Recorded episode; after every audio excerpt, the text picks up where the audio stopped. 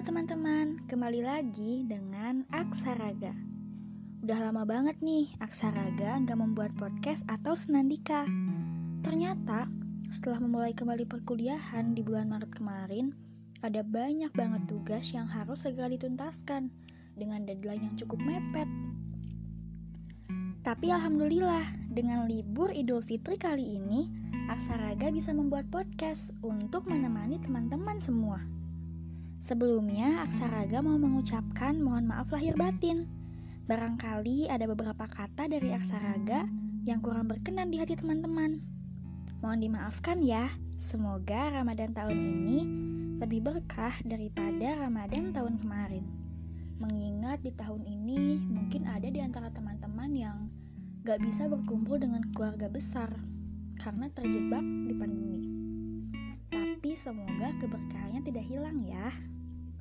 Kali ini, Aksaraga akan berbicara tentang berdamai dengan masa lalu. Pasti banyak nih di antara teman-teman yang masih terbelenggu oleh masa lalu, masih terbayang dengan sosok di masa lalu, atau belum bisa memaafkan kesalahan di masa lalu, baik kesalahan teman-teman sendiri ataupun kesalahan orang lain yang cukup fatal di masa lalu, teman-teman. Masa lalu itu adalah bagian dari dalam hidup kita.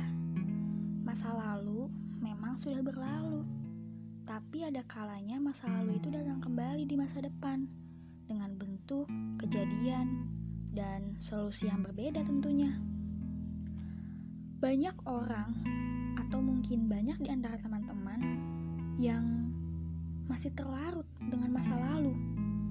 Namun, aku juga yakin Pasti banyak di antara teman-teman yang sudah melupakan masa lalu atau sedang dalam usaha melupakan. Karena bagaimanapun, masa lalu itu hanya akan tetap menjadi masa lalu. Jika dikatakan berdamai dengan masa lalu itu sulit, maka kita akan terus dihantui dengan perasaan terkekang dan terikat. Mungkin dengan berusaha berdamai dengan masa lalu bisa membuat kita menjadi lebih banyak pilihan untuk bertindak di masa depan. Banyak orang yang takut untuk kembali melihat ke belakang. Ketakutan akan kegelapan yang terus mengikuti langkah kita. Tapi, teman-teman sadar gak sih? Sama halnya dengan sebuah motor atau kendaraan bermotor lain yang memiliki kaca spion, hidup kita itu diibaratkan dengan kendaraan tersebut. Dan kita memang benar-benar membutuhkan kaca spion untuk kembali melihat kesalahan yang sudah kita perbuat, untuk melihat kembali dan memilah kejadian yang sudah berlalu agar tidak terjadi kembali, untuk meyakinkan kembali langkah kita selanjutnya. Dengan begitu, kita dapat belajar dari melihat masa lalu, bukan hanya memandangnya sebagai masa lalu yang sudah berlalu dan harus dilupakan. Karena teman-teman tahu nggak sih, ternyata nggak ada kehilangan yang benar-benar hilang. Tuhan hanya akan menggantikannya dengan sesuatu yang lebih baik, lebih hebat, dan lebih dari apa yang kita bayangkan. Seperti yang Aksaraga ungkapkan di podcast tentang luka, bahwa luka itu tidak akan pernah benar-benar hilang atau sembuh. Ia hanya akan mengering dan bisa saja kembali basah dalam waktu-waktu tertentu. Karena waktu itu berjalan bukan untuk menghilangkan luka, tapi untuk membuat kita terbiasa dengan luka. Itulah mengapa berdamai dengan masa lalu adalah sesuatu yang cukup penting untuk hidup kita ke depannya. Karena kita nggak bisa naif. Kita selalu butuh masa lalu untuk bersikap lebih waspada ketika kita menghadapi masa depan atau masa sekarang.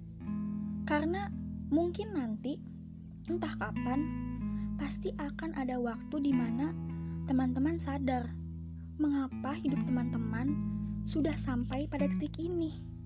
Bahwa apa yang teman-teman miliki pada saat ini itu tuh nggak akan pernah ada kalau teman-teman nggak melalui semua kepahitan, semua luka, semua patah, dan semua rintangan di masa lalu teman-teman. Tertahan di masa lalu, itu artinya teman-teman juga menolak kesempatan di masa depan untuk tumbuh dari masa lalu itu sendiri. Jadi, teman-teman harus mulai belajar untuk mempelajari hal-hal yang terjadi di masa lalu untuk membuat teman-teman tumbuh di masa sekarang atau di masa depan. Kalau kata statement yang udah populer itu, belajarlah dari kesalahan atau dari pengalaman.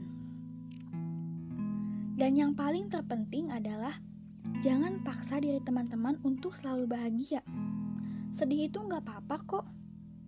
Hargai setiap hal yang ada dalam diri teman-teman. Dengan begitu, teman-teman akan mampu berdamai dengan diri sendiri dan tentunya berdamai dengan masa lalu teman-teman. Memaafkan itu memang sulit, tapi dendam dan kebencian tidak akan pernah membuat hati kita kembali utuh. Tidak akan pernah membuat perasaan kita benar-benar bahagia seutuhnya dan sepenuhnya. Karena memang benar, sosok yang berlalu lalang dari masa lalu sampai sekarang itu sifatnya hanya sementara, tapi kenangan dan ceritanya itu akan bersifat selamanya.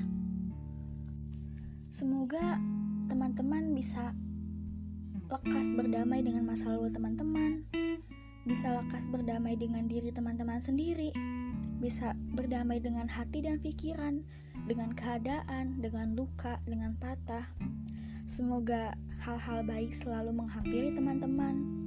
Semoga semesta selalu ramah pada tiap langkah teman-teman. Dan semoga selalu bahagia. Jangan lupa untuk tetap tersenyum, untuk bersyukur, dan tetap semangat. Sampai jumpa di podcast selanjutnya. Semoga bermanfaat.